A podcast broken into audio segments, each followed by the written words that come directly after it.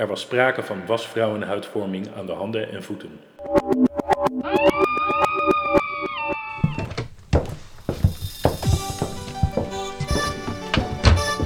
Als ze nog een keer spuugt, komt ze er niet meer in, zegt de uitsmijter. En Margie kijkt hem aan zonder te knikken. Eigenlijk kijkt ze zelfs zonder te kijken.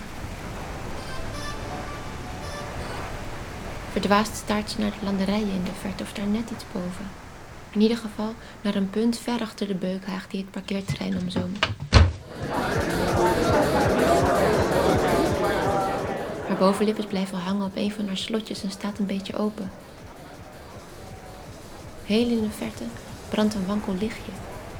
Waarschijnlijk van een boerderij die niets met deze plek te maken heeft. Behalve dan het uitzicht dat ze delen. De weilanden, de fietspaden, de plassen